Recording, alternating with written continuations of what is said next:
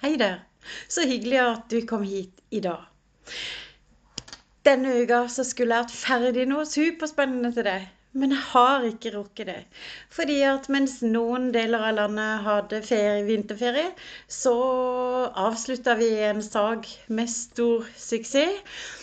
Og den andre uka hvor resten av landet hadde ferie, så har det vært reise og tjo og hei. Så jeg har ikke rukket det. Men jeg, derfor så blir det en repriseepisode i dag, og det er ekspertene jeg har tatt fram. Fordi det er mange mer eller mindre selvoppnevnte eller formelle eksperter i mobbesaker. Og det jeg peker på helt til slutt med at vi skal se på løsninger, og at jeg tror at jeg har noen løsninger. Ja, en sånn løsning er det jeg har lyst til å snakke med deg om neste uke. Så jeg skal gjøre alt jeg kan for å bli ferdig, og så har jeg noe spennende på gang da. Her kommer ukens reprise. Ha det, ha det.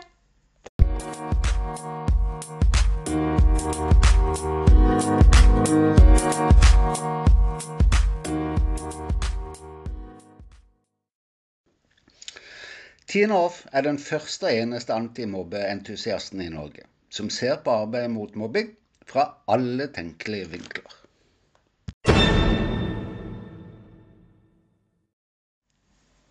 Hvem er ekspertene i mobbesaker? Er det skolen, altså læreren, eller rektor? Eller er det helse, som fastlege i spesialisthelsetjenesten? Er det PPT? Eller foreldrene? Eller kanskje mobbeombudet? Hva med politikerne? Eller de mer eller mindre selvoppnevnte ekspertene, som organisasjoner eller stiftelser? Eller er det offentlig utpekte eksperter, som forskere f.eks. For på området? Ja, kanskje du til og med tenker at jeg kaster stein i glasshus i dag, som antimobbentusiasten. Kanskje gjør jeg det. Men uansett hvem du måtte velge, så er dagens spørsmål Hva er de, eller vi, eksperter på? Velkommen til episode 27. Spør du meg, er svaret at ingen er eksperter i mobbesaker.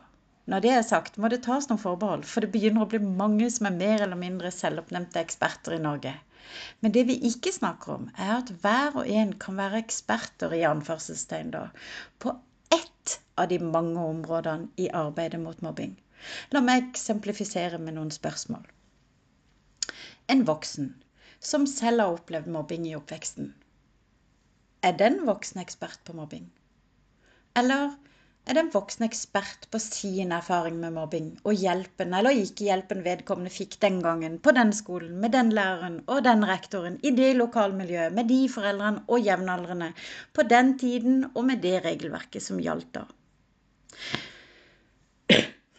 Unnskyld. Er en forsker som forsker på mobbing, ekspert? Eller, og fryktelig forenkla da, er forskeren ekspert på å kombinere tema med virkelighetsfortellinger og teori for så å dra konklusjoner. Vil disse konklusjonene gjelde for alle saker? På samme måte kunne vi sagt at skolen er eksperter på opplæring, helse på sykdom, fysisk eller psykisk, da. Og foreldre Foreldre er da eksperter på i hvert fall å fange opp endringer for sine barn. Om de har det bra, altså, eller ikke. Men her kommer det kule. For hver og en av de jeg har snakka om, altså voksne med egen erfaring, forskere på området, rektorer eller foreldre, kan godt føle seg som eksperter ut fra den erfaringa de har med en mobbesak.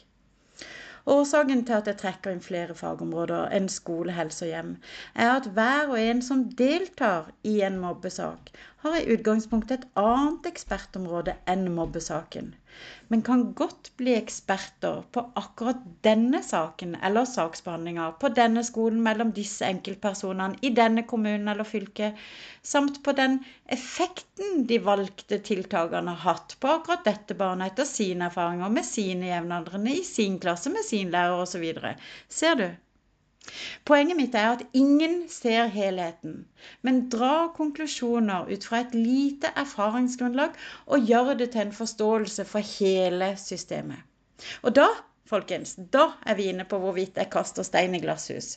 Når jeg leser ulike forskningsrapporter eller bøker fra noen av de offentlig utpekte ekspertene, så må jeg bare innrømme at jeg flere ganger stusser over konklusjonene, over skråsikkerheten og løsningene som fremmes. Flere av de uten deltakelse i møterommene i konkrete saker. De stemmer nemlig ikke men sånn som jeg erfarer det, ei heller sånn som jeg tenker løsningene må være. Og jeg har jo erfaring med både deltakelse i mobbesaker i flere deler av landet, og med skoleutvikling med elever, foreldre og skolen. Det, tenker jeg da, viser hvor tilfeldighetene råder i dagens antimobbesystem. Ingen kontrollinstans som faktisk får med seg hva som rører seg i møtene i mobbesaker. Der valgene tas. Og saksbehandling skjer jo der. Ingen faktisk kvalitetssikring eller ansvarliggjøring av offentlige instanser. Vi har snakka litt om det før, så jeg tar det ikke igjen. Ikke er det heller noen registre eller oversikter som vi kan trekke noen helhet fra. Ingen krav til barnets forbedring og utvikling. Og til slutt ingen utløpsdato for hvor lenge det er riktig å la skolen få ha ansvar i saker. Da kanskje helse burde tatt over, siden helsekonsekvensene er de som bare øker og øker og øker. Gjør dette antimobbesystemet til å være noe vi kan være stolte av, og hjelper det barna? Jeg peker på utfordringer, vet du, og du gjør deg en tanke. Bare så du vet hvor jeg står.